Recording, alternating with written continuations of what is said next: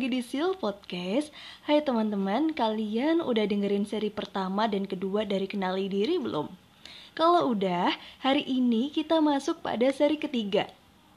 Nah, kalau kemarin kan kita udah membahas tentang hambatan diri dan juga tentang luka batin yang tidak disadari, Kali ini di seri ketiga ini kita akan lebih membahas apa sih yang kemudian bisa kita lakukan ketika kita harus menghadapi luka batin itu. Apalagi kalau kita sudah mulai mengenali diri kita. So, selengkapnya di segmen kedua.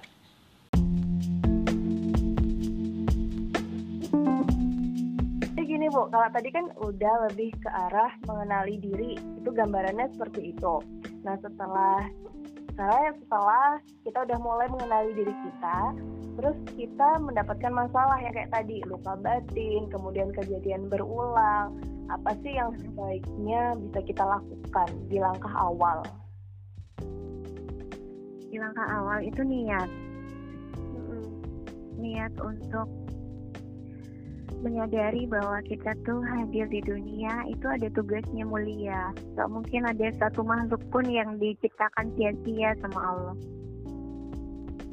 Jadi uh, ketika kita belum bergerak, kita belum jadi orang yang berfungsi penuh, itu tanyakan pada diri sendiri, uh, sebenarnya aku tahu nggak sih tugasku di dunia itu apa? Itu dulu. Jadi niat dan uh, kita butuh banyak soalnya effort ke depan. Hmm. setelah niat niat itu kita ikrarkan Tuhan mohon dituntun. Aku ingin mengenal diriku lebih jauh. Sejak hari ketika kita bilang niat itu Tuhan kasih loh. Tuhan kasih masalah. Lalu kita terbentur dengan mental kita. Itu aku minta teman-teman mencatatnya mencatat oh hari ini aku mengikrarkan niat untuk melangkah mengenal diri. Untuk teman-teman quarter life silahkan lakukan itu. Untuk usiaku aku hampir 40 itu tugasnya beda lagi. Aku, aku uh, melangkah di jalan pulang. Ngeri ya? Iya bu. Dalam banget itu. Di jalan pulang. Jadi aku punya tugas di nanti jompo mas jadi uh, ada tugas ada kematian mm-hmm. oh so psikolog itu nggak bisa ngomong doang ketika ketika psikolog hanya teoritis maksudnya dokter itu tahu teori bahwa COVID itu gejalanya demam, batuk, pilek, apa-apa gitu. Dia tidak perlu mengalaminya. Mm -mm. Tapi psikolog kami itu sebelum bisa menasihati orang. Kami mengalami duluan. Benar. Benar wow itu. Aku uh, aku kumpul dengan teman-teman sama sesama psikolog. Mereka juga mengalami hal sama di kehidupan mereka. Ketika mereka jadi trainer parenting mereka sendiri diuji dengan si mereka dengan anak-anak apakah benar kamu jadi guru parenting itu kamu sudah lakukan apa yang kamu teorikan gitu. Wah itu benar-benar. Jadi kalau tugasku adalah persiapan kematian. Kamu tahu Arda? Gimana bu kalau di aku perjalanan aku adalah perjalanan pulang. Semua yang hidup di dunia ini jiwanya abadi. Pernah hidup di masa sebelum ini dilahir dihadirkan Tuhan ke, ke bumi menjalani kehidupan sebagai diri yang punya tubuh. Dan ini hanya sementara sehingga sebenarnya jalan hidup di dunia adalah sebenarnya adalah jalan pulang. Pada saatnya eh, makanya mesti sadar ingat Tuhan kapan pun di mana pun karena sebenarnya kita sudah mencari bekal untuk pulang lagi gitu. Pulang itu kan ke sesuatu yang dulu pernah kita tinggali. Iya. Dari mana kita berasal? Ya dari Tuhan. Nanti kita pulang ke Tuhan lagi. Nah di usia 40 seseorang disiapkan untuk itu. Kalau belum kalau belum merasa, belum kenal diri, belum tahu jati dirinya, dan terbawa arus kesenangan yang ilusi yang fana sulit banget seseorang untuk kembali ke jalan pulang dengan kesadarannya sendiri biasanya dipaksa atau di, kena masalah berat dulu kena bencana dulu baru ingat Tuhan gitu Iya. ya karena di sisi yang lain umur 40 itu lagi jaya-jayanya berkarir berbisnis eh, apa ya punya daya tarik secara apa sih? Secara seksual secara apa kematangan gitu punya daya tarik luar biasa. Karena punya duit kan sudah bisa perawatan sudah bisa treatment sudah bisa punya duit sendiri lah. Dan karirnya udah mapan. Orang-orang di usia 25 tahun memimpikan itu warga.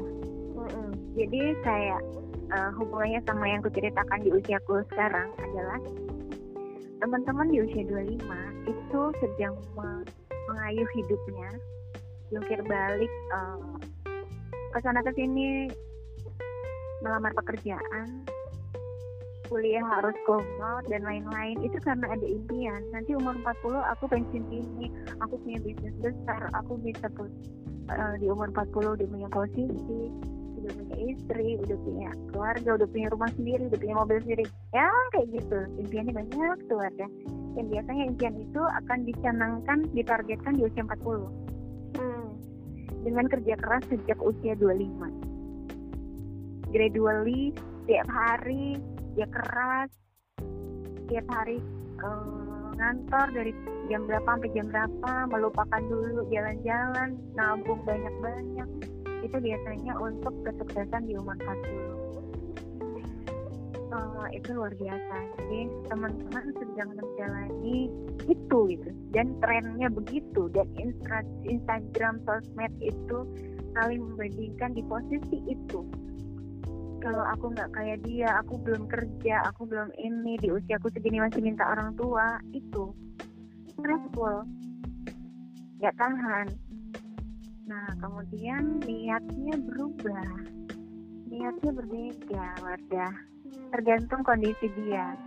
Jadi niat untuk diri ya lu karena pattern sana itu bukan dirinya sebenarnya. Tapi dia dia ngikuti arus gitu. Banyak banget yang begini.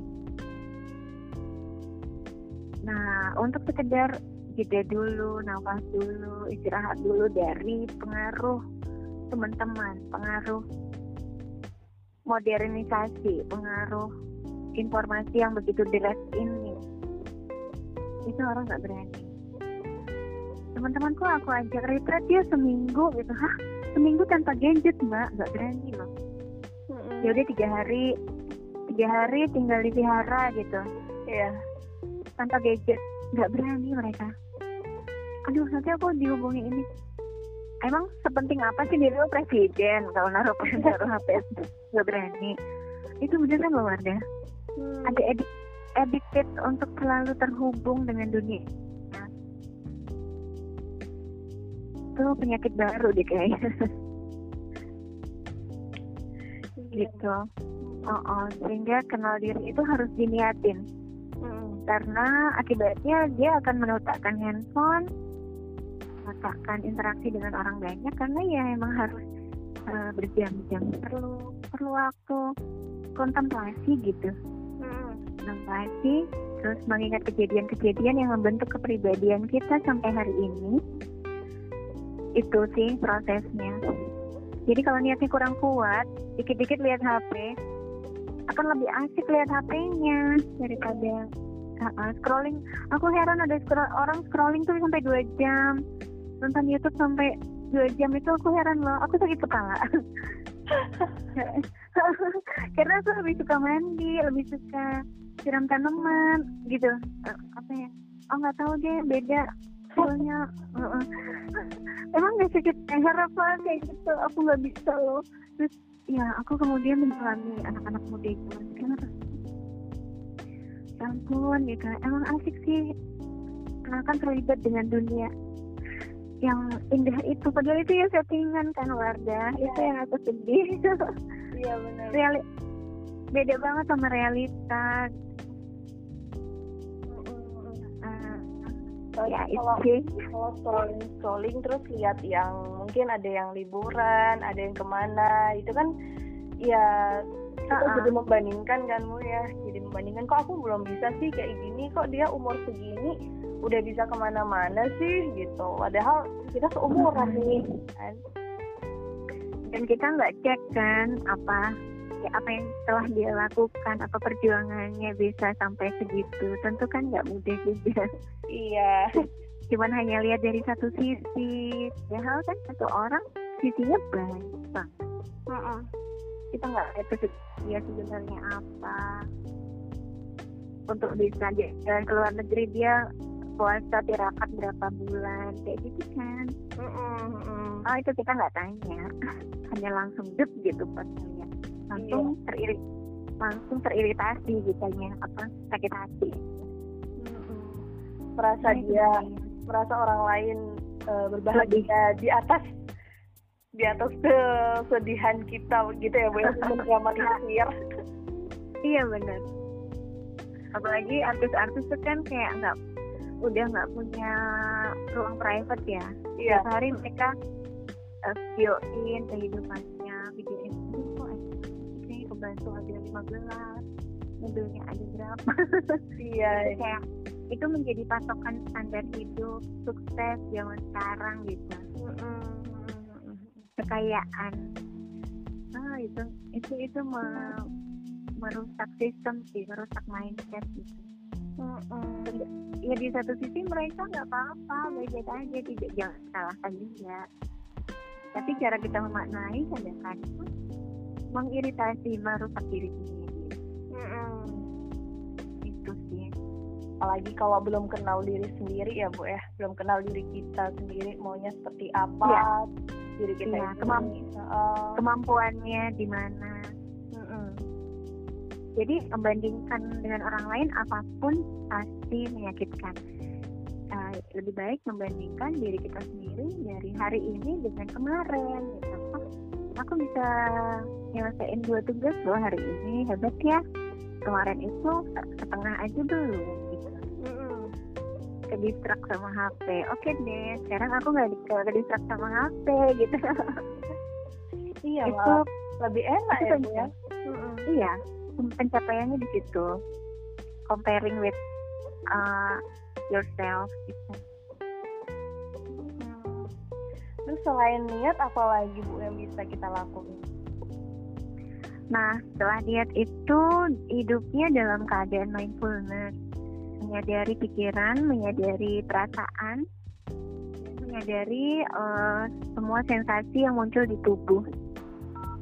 Nah, itu eh, bagi kebanyakan orang yang biasanya ketika ada sesuatu itu menyalahkan orang lain, menyalahkan situasi, dia akan mengurangi itu, jadi lebih lebih mengolah apa yang dipikirkan, apa yang dirasakan, dan apa yang dirasakan di tubuh. Terus fokus fokus di situ, lalu menerima saja. Ketika ada marah, oh iya aku ngerasa marah. Oh iya aku ngerasa ini. Berhenti untuk menyalahkan orang lain. Aku marah gara-gara ini ini gitu enggak. Jadi full full cek ke diri sendiri aja apa yang dirasakan. Kemudian tidak perlu sebab akibat terima saja apa rasanya gitu. Nah itu demi kedamaian hati sih uh, ya pencapaiannya adalah kedamaian hati. Kemudian uh, ketika pay attention. Jadi satu niat dua attention dan tiga sikap attitude. Dari uh, dari kebiasaan kemudian ya perlu dilatih terus setiap hari minimal eh, 40 hari ke depan gitu Oh. untuk fokus pada attention pada memperhatikan apa yang ada di sini saat ini itu loh eh, anak muda ada beberapa yang magang di sini aku latihkan terus karena kan tiap hari ketemu Mm-mm. tapi eh, aku I'm not sure kalau kalau tidak ada gurunya tidak ada mentornya ya.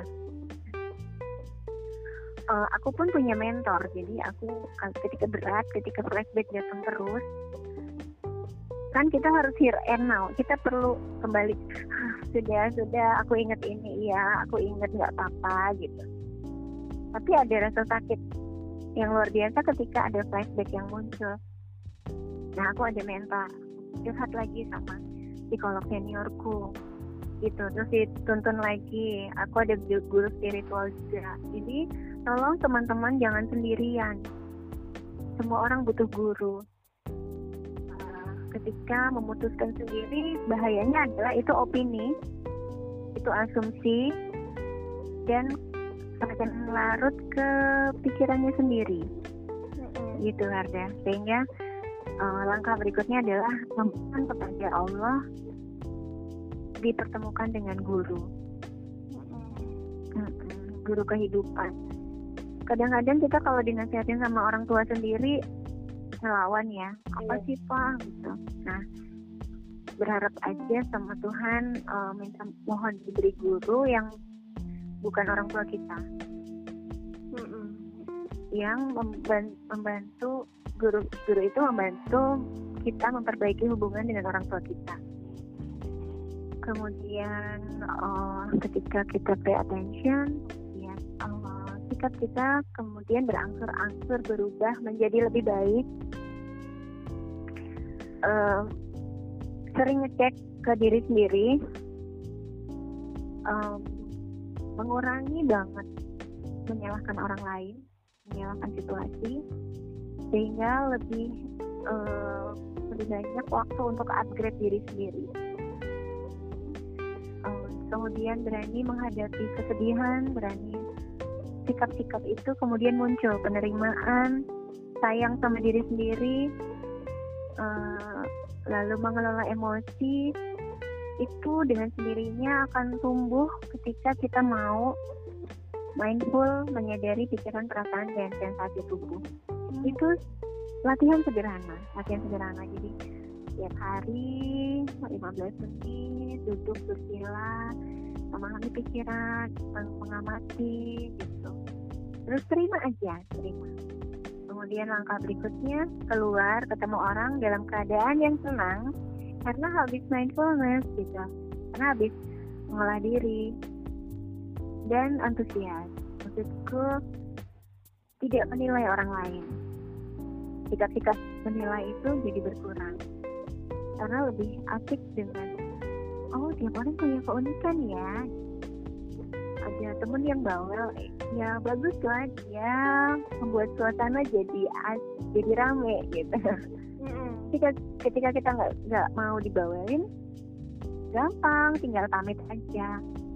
Aku izin ya pulang duluan. Aku mau ada tugas.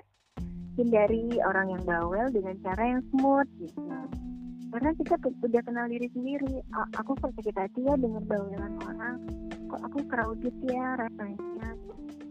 Aku overwhelmed ya di tengah situasi banyak orang. Oke aku butuh menyendiri. Aku pamit ya mau ada bantu ibuku sesuatu. Oke gitu. Ya fine. Lalu berterima kasih pada diri sendiri ketika dia bisa men- mengabulkan keinginan diri sendiri itu bukan selfish loh ya. Itu bukan egosentris loh. Itu cara menyayangi diri sendiri. Sehingga lama-lama kita akan tahu pola kita pola berulangnya kemudian bisa mengenal hambatan. Oh dulu itu aku terhambat karena nggak enakan sama orang. Jadi ada yang temen yang bawel tapi kita nggak enak untuk ini apa untuk pamit untuk cut off gitu untuk minta waktu sendirian gitu. Sehingga eh, maksain untuk dengerin dia sampai capek banget. Nah sekarang oh kenal aku hambatan diriku. Udah jadi memutus pola. Memutus hambatan berulang. Wow sekarang aku makin sadar nih. Eh, nyaman banget ketika ya oke aku ketemu temanku yang itu setengah jam paling oh aku ketemu temanku yang ini dia suka curhat jadi sebentar aja jangan lama-lama. Terus aku butuh sendirian oke aku sendirian dua jam. Lalu tidur. Itu sangat baik ketika kita sudah kenal diri sendiri kemudian mengatur energi memanage waktu memanage energi dan lebih produktif. Sehingga kita punya ide baru, punya ide fresh untuk menciptakan uh, inovasi, menciptakan inisiatif diri sendiri. Aku tahu keinginanku apa. Kayak gitu Arda. Wow, itu apa ya jadi setiap penyampaiannya Bu Rini itu dari tadi langsung kayak flashback sih kayak sejauh ini aku udah apa ya udah ngapain aja ya kayak gitu dan guru guru kehidupan itu kan istilahnya siapa aja kan Bu yang bisa memberikan insight iya, betul. kita nggak mesti harus yang guru beneran guru gitu ya bahkan pohon. Oh ya? Iya. Itu guru simbolik namanya. Jadi sunatullah semua pohon itu akarnya ke bawah. Dan dia tumbuhnya ke atas. Jadi dia kena badai kena angin tidak disiram pun dia akan tetap tumbuh ke atas. Jadi tetaplah berjalan tetaplah melangkah karena setiap masalah yang dihadirkan Tuhan itu menumbuhkan kita. Kalau kita sibuk sama penderitaannya, nanti kita nggak lupa kalau sedang ditumbuhkan Tuhan. Kayak gitu. Ya Allah nggak kebayang sih bu kayak oh dari pohon. Oh ya iya bener juga ya. Ya kan dari semua manusia di dunia ini ternyata hanya Isaac Newton yang melihat apel jatuh ke bawah. Ya lalu ada apa dengan bumi? Kok semua apel jatuh ke bawah gitu kan? Itu kan akal manusia tapi hanya dia yang mikir kalau itu ada gravitasi. Ya. Terus itu namanya hikmah.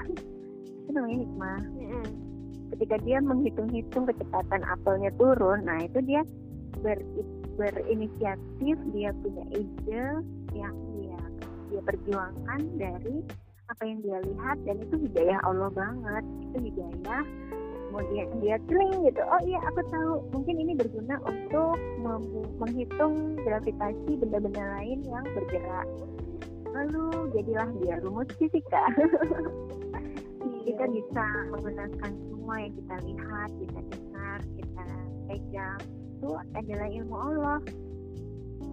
Untuk makna kita sendiri dan ketika sudah bisa mengolahnya menjadikannya rumus kita share ke orang lain kita tulis buku kita bikin orang lain terinspirasi. Hmm, benar benar benar. Bukan cuma psikolog loh. Iya benar bu. Nah ini kan, orang bisa. Benar semua orang bisa. Nah ini kan kita udah masuk di sesi akhir. Ada nggak sih ya. dari dari penyampaian ibu udah dikasih tips-tips juga cara yang bisa kita lakukan? Nah kalau untuk closing statement dari ibu sendiri seperti apa closing statement oke. Okay. teman-teman yang mendengarkan podcast ini semua informasi itu atas izin Allah. Dari semua info yang dipasang jadi podcastnya Wardah. Tidak semua kita punya kesempatan dan punya waktu untuk mendengarkan. Jadi jika teman-teman mendengarkan podcast podcast yang ini berarti kita berjodoh. Berarti teman-teman uh, dapat informasi dari Tuhan dan diminta untuk belajar. Uh, lakukan ini 40 hari ke depan. Mulai hari ini niatkan untuk melangkah di jalan Tuhan. Siapkan buku tulisnya. Buku tulisnya yang minimal ada punya 40 halaman. Jadi tiap hari menulis apa yang dipikirkan, apa yang dirasakan, apa yang terjadi di tubuhnya sejak kita berniat untuk melangkah di jalan Tuhan. Kemudian tulis apa yang kamu syukuri di hari itu. Setiap hari. Itu so simple. Dan biasakan untuk menulis tangan karena menulis tangan beda dengan nulis ngetik di komputer. Uh, setelah 40 hari baru boleh ditulis di, diketik di komputer dipindahkan jadi ada penyatuan sinkronis antara gerakan tangan ketika menulis dengan mensinkronkan uh, ada proses mensinkronkan pikiran, perasaan dan tulisan tangan. Hmm. Bentuk tulisan kalian akan berbeda ketika marah, ketika sedih, ketika uh, kecewa, ketika uh, antusias, ketika senang. Itu bentuk tulisannya akan berubah. Nah, kenali diri kalian dengan dengan banyak cara termasuk dengan cara kalian menulis. itu kemudian uh, amati apa yang terjadi makin mengenal diri dan mohon tuntunan Tuhan untuk uh, setiap saat ingat ingat berkahnya, ingat karunia-Nya, ingat bahwa kalian sedang ditumbuhkan. Uh, menyatulah dengan teman-teman, dengan semua makhluk di bumi ini tanpa harus ketemu karena kita satu sama lain terkoneksi. Tidak harus bertatap muka, tapi apa yang kalian lakukan berefek besar bagi orang lain sehingga termasuk memikirkan keselamatan orang lain atas penyakit COVID, keselamatan orang lain dalam kesehatan mental mereka, doa kalian itu terkoneksi ke seluruh alam. Aku harap semua anak muda berdoa untuk keselamatan, kesehatan dunia membaik lagi, dan itu membuat kalian berperilaku hati-hati, penuh kesadaran menjaga kita semua. Terima kasih banyak, semoga bermanfaat ya. Amin. Iya, pasti sangat-sangat bermanfaat Bu. Ini apa ya kayak sebenarnya kayak kita kuliah ya Bu ya, cuma bedanya kita siapa aja. iya betul. Udah dapat berapa SKS ini dari awal. Jadi kayak Udah ringkas ini ilmu colongan sih. Kalau aku selalu mengatakan ke Ji kayak kita ikut oh, gitu. webinar, ikut webinar, dengerin podcast menurut aku tuh kayak ilmu colongan. Karena ya kita kan nggak tahu ya bu kayak uh, ketika kita penasaran untuk ikut satu acara yang itu yeah. online kan kita nggak tahu ya kayak dia akan membahas apa gitu. Ternyata Betul. begitu nyampe kok pas banget nih. Nah ini menurut aku ilmu colongan kayak nggak ada silabusnya soalnya iya bu. Kita nggak tahu kan kalau di LKS kan jelas nih oh siswa memasuki kayak gitu. Iya betul. Eh, aku pun begitu.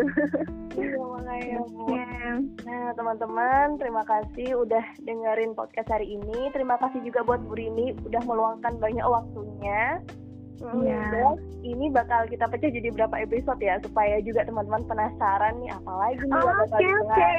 ya kan? Terima kasih penghargaannya.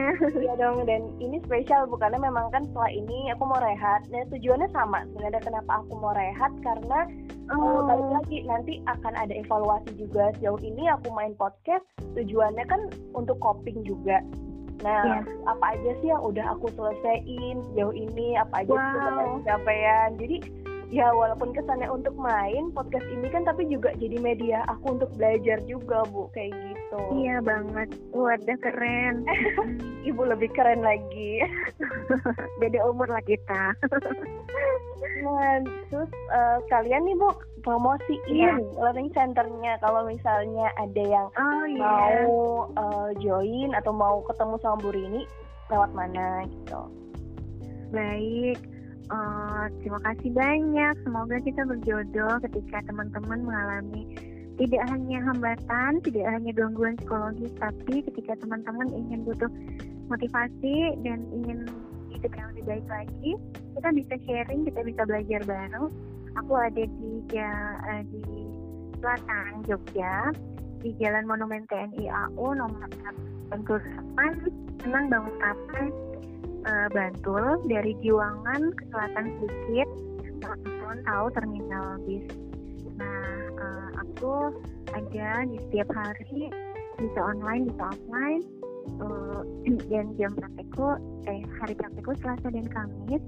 Uh, boleh nanti nomor HP-nya di di munculin di caption.